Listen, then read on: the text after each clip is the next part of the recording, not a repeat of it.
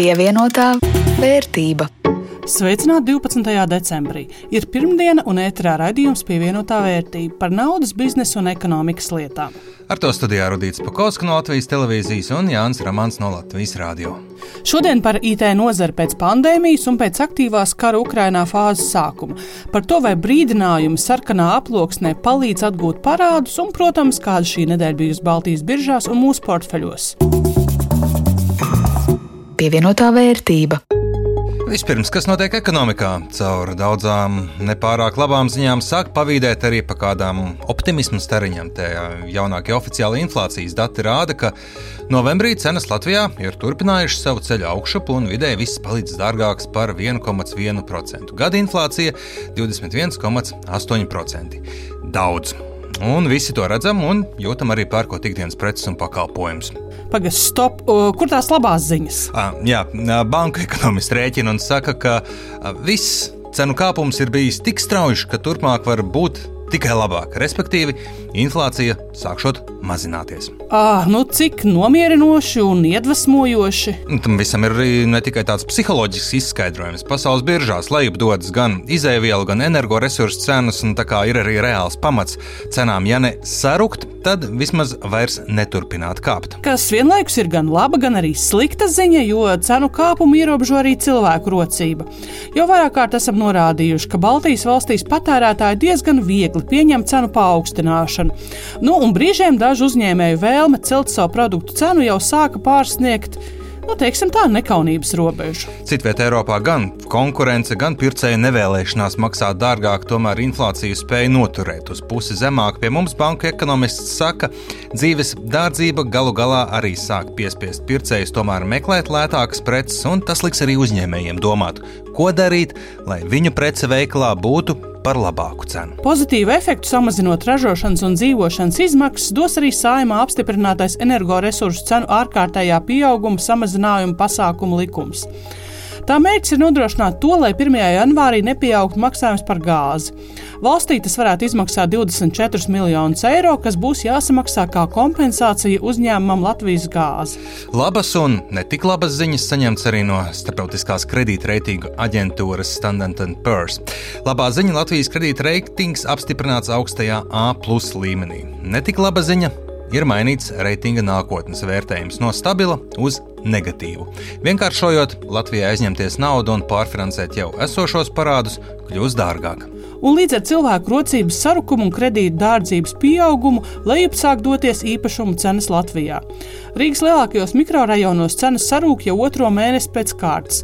Tā liecina nekustamo īpašumu kompānijas Arko Real Estate jaunākais pārskats. Sērija veida dzīvokļu vidējā cena novembrī pazeminājās par 0,8% un bija 918 eiro par kvadrātmetru. Publicēts jaunākais Nasdaq Rīga un Prudentija veidotais šī gada Latvijas vērtīgāko uzņēmumu top 101, un tas rāda, ka ar lielajiem uzņēmumiem arī sarežģītajos laikos viss ir kārtībā. Top sarakstā iekļuvušo Latvijas vērtīgāko uzņēmēju kopējā vērtība šogad ir sasniegusi 25,2 miljardus eiro, kas salīdzinājumā ar pērnā gada sarakstu ir pieaugums par 12%. Jā, nu un Latvijas vērtīgākā uzņēmuma statusu ieguvusi akcijas sabiedrība Svetbank Baltics. Otrajā vietā ierindojas līdzšinējais, man šķiet daudzgadējais topa līderis akcijas sabiedrība Latvijas Energo, savukārt trešajā vietā ir akcijas sabiedrība Latvijas valsts meži. Bet nu par kādu nozari, kurai atskatoties uz šo gadu nereizi šķiet neizspruka vārds inflācija. Informācija tehnoloģijas. Viņiem šis laiks bijis izaugsmes posms, kā likta konferencē norādīja asociācijas vadītājs Signe Bāliņa. Mums no gada uz gadu aug Nodarbināto skaits mums no gada uz gadu aug nodars, visi peļņas radītāji. Mēs radām 6% no iekšzemes koprodukta, mēs maksājam daudz nodokļus, un vairāk kā gandrīz 9% no visiem nodokļiem valstī ir no IKT nozares, un aug arī mūsu apgrozījums. Ja ne par inflāciju, tad viņiem cerams daudz ko bija teikt par energocenu kāpumu un drošību. Par drošību nu noteikti. Turklāt gan par nozares drošību, gan arī par to, ko IT var dot drošības un aizsardzības nozarei. Jo, kā to pierādījis karš Ukrainā, tīkla veida karošana ar modernajām tehnoloģijām ir efektīvāka nekā klasiskais 19. un 20. gadsimta centralizētais modelis. Un, protams, arī vadības komandu nesavācot fiziski vienopus, lai plānotu, bet tā vietā tiekoties virtuāli, ir vēl papildu iegūmi, kā skaidro Juris Binde, LMT prezidents. Šie plāni tiek realizēti štābā pie galda, nu, pie kartes vai pie smilšu kastē. Tādā gadījumā šis štābs, kurā ir sapulcējušies augstākie virsnieki, protams, ir kļuvis par ļoti iecienītu mērķi pretiniekam. Savukārt, virtuālā un papildinātā realitāte dod iespēju augstākiem virsniekiem, štābu virsniekiem, plānojot operācijas, atrasties izkliedētās dažādās lokācijās, un viņi visi, izmantojot šīs brilles, redz vienu un to pašu apvidus kartu un sazinoties, ir spēj izstrādāt uh, operācijas uh, plānu. Tāpat nozīmīgi militārajās operācijās ir droni un komandvadības sistēmas, kur arī savu roku pieliek IT uzņēmumi. Jo beidzot militārā nozare pamazām tiek pāri aizspriedumiem par viedierīcēm. Gan Eiropas uh, aizsardzības fonds, gan arī NATO ir kļuvuši atvērti smartphonizācijai, jo ilgu laiku militārās personas izturējās pret viedierīcēm ar ļoti lielu tādu respektu un aizdomām, ka tas nekas labs nevar būt un tas nevar būt pietiekami drošs. Nu, ilgu darbu rezultātā izdevās pierādīt, ka tās e, lietas tomēr ir pietiekami drošas. Taču nemazāk svarīga ir otra drošības puse - visu uzņēmumu un sistēmu IT drošība.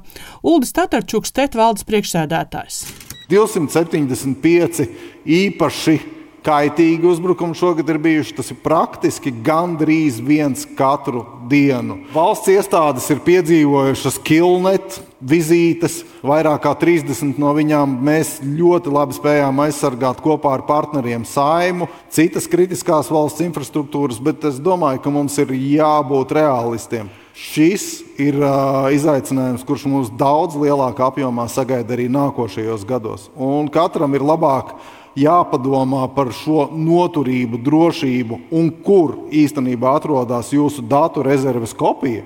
Vai tā ir uz otras iekārtas, bet vienā un tajā pašā telpā, vai tomēr drošā, attālinātā un rezervētā datu centrā. Par to ir jāsāk domāt šobrīd. Un jā, izspiedēji vīrusi ir izspieduši milzīgus apjomus datu. Un jā, vēl joprojām vājākais posms ir nevis pašas sistēmas, bet tieši cilvēki, kas tās lieto. Vājākais vai riskantākais vai visvairāk trenējamies posms ir mūsu darbinieki.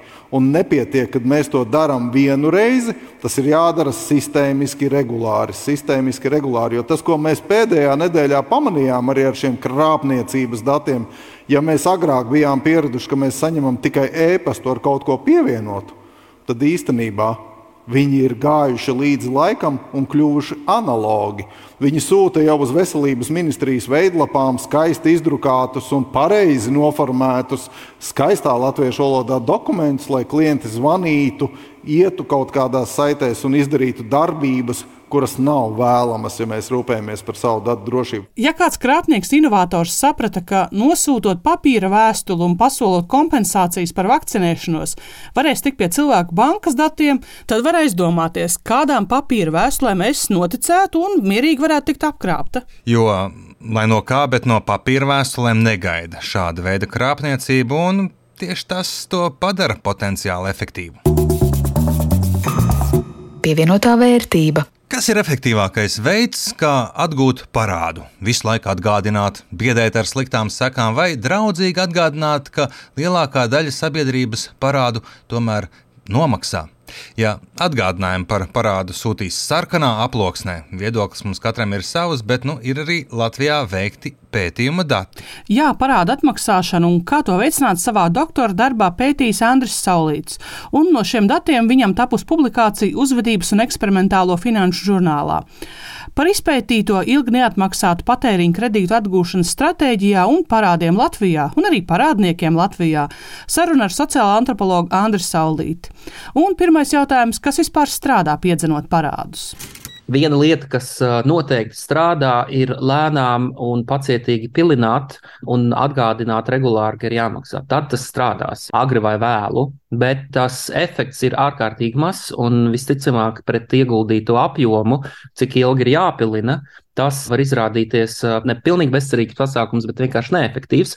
Otra lieta, kas manuprāt bija interesantāka, ka gadījumos, kad parādnieks piekrīt maksāt, ja tu viņam turpini atgādināt par šo lietu, tad patiesībā var būt pat pretējs efekts ka šis parādnieks atkārtot lauž solījumu. Tas galvenais mans vēstījums ir, ka kredīta ņēmēji nav vienkārši pasīvi iedzīvotāji, nelaimes čupiņas, kas nonākuši. Viņi patiesībā ir cilvēki šajās grupās arī, kuri ļoti skatās, kādas ir šīs attiecības ar kredītdevējiem, ar parādu piedziņas kompāniju, un viņi vēlas, lai šīs attiecības ir cieņpilnas. Un tā ir runa par to, ka mūsu sabiedrība eksistē nevis uz tāda vienkārši līguma attiecība pamata, bet ka tās ir plašākas savstarpējās attiecības, kuras balstās uz savstarpēju uzticēšanos. Tāpēc tas mans arī ierosinājums ir, ka mums ir jādomā par sistēmām nevis, kur tu sūti tikai atgādinājumus un pieprasījumus, ko darīt, bet tu mēģini saprast un veidot dialogu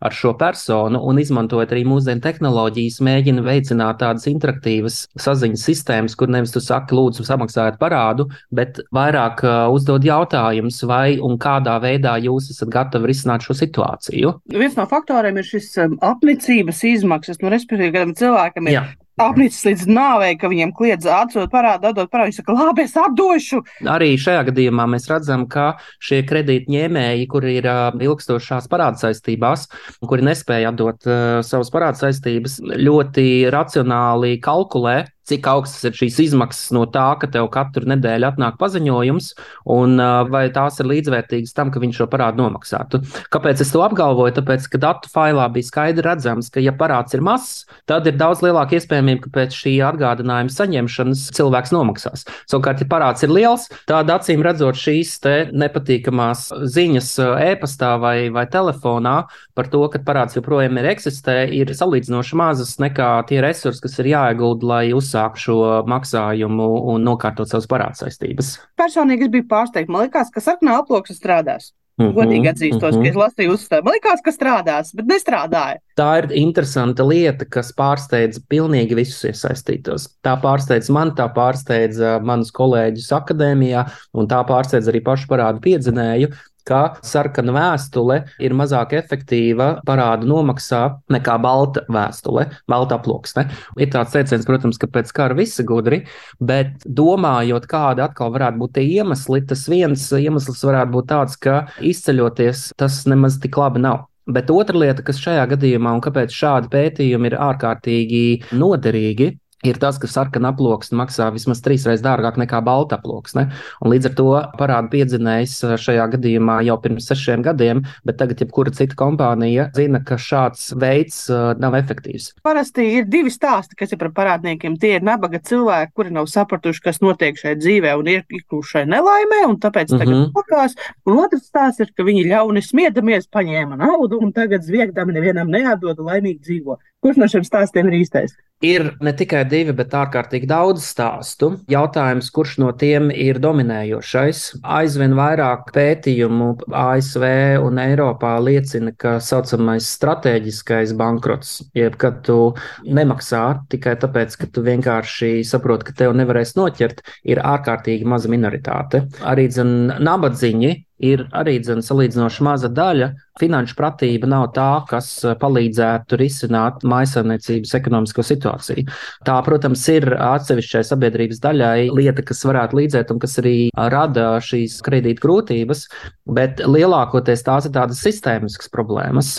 Un ar sistēmiskām problēmām es domāju, tas, kāda ir šī kredītu došanas un saņemšanas regulējums, cik daudz tas ir regulēts un cik lielā mērā ir arī efektīvi efektīva šie piedziņas mehānismi. Es domāju, ka lielākoties tie kavējumi ir saistīti ar divām lietām. Pirmais, tā ir aizmaršība. Cilvēki mēdz aizmirst, un mēdz aizmirst diezgan lielos apjomos. Un šeit atgādinājumi palīdz. Un tas ir tas, kur noteikti atgādinājumi palīdz.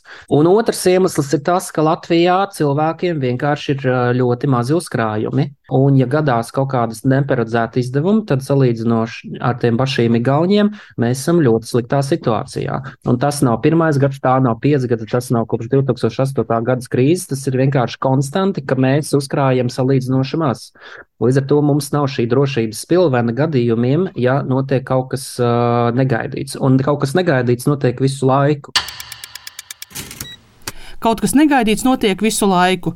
Man patīk, mēs to varētu virzīt par raidījumu moto. Uh, vai kaut kas negaidīts arī biežā noticis? Nu, ja mēs pēdējā laikā kāpumu turpināšanos pieskaitītu pie negaidītām lietām, tad neparasti ir tas, ka lielākais kāpums pērnajā nedēļā bijis Rīgā 1,45% plusā, un te jāsaka paldies saftehnikai.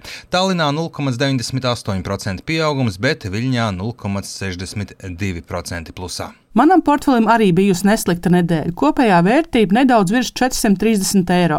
Tev arī noteikti nedēļa nemaz nav bijusi slikta. Man gan kopējā ieguldījuma vērtība par 4 eiro ir sarukusi, un vaininieki ir divi kamēr lielākā daļa turpat vai mazliet pat kaut ko nopelnījuši līdz tirgus tendencēm, Invalid Technology un Nordeco nolēma palikt lētāk šonadēļ par 6 un 7 procentiem, un līdz ar to kopējais portfels šobrīd 445 eiro vērts. Bet gaidu arī šonadēļ pielēmtās dāsnās saftehnikas dividendes. Ar to arī izskan šodienas raidījums pievienotā vērtība. To veidoja Jānis Ramāns no Latvijas radio, Rudīts Pakausks no Latvijas televīzijas. Par skaņu rūpējās Renāša Steimanis. Atgādinu, ka šo un visus iepriekšējos vairāku gadu garumā veidotos raidījumus var dzirdēt arī Latvijas radio arhīvā, raidierakstu vietnēs un arī Latvijas radio mobilajā aplikācijā.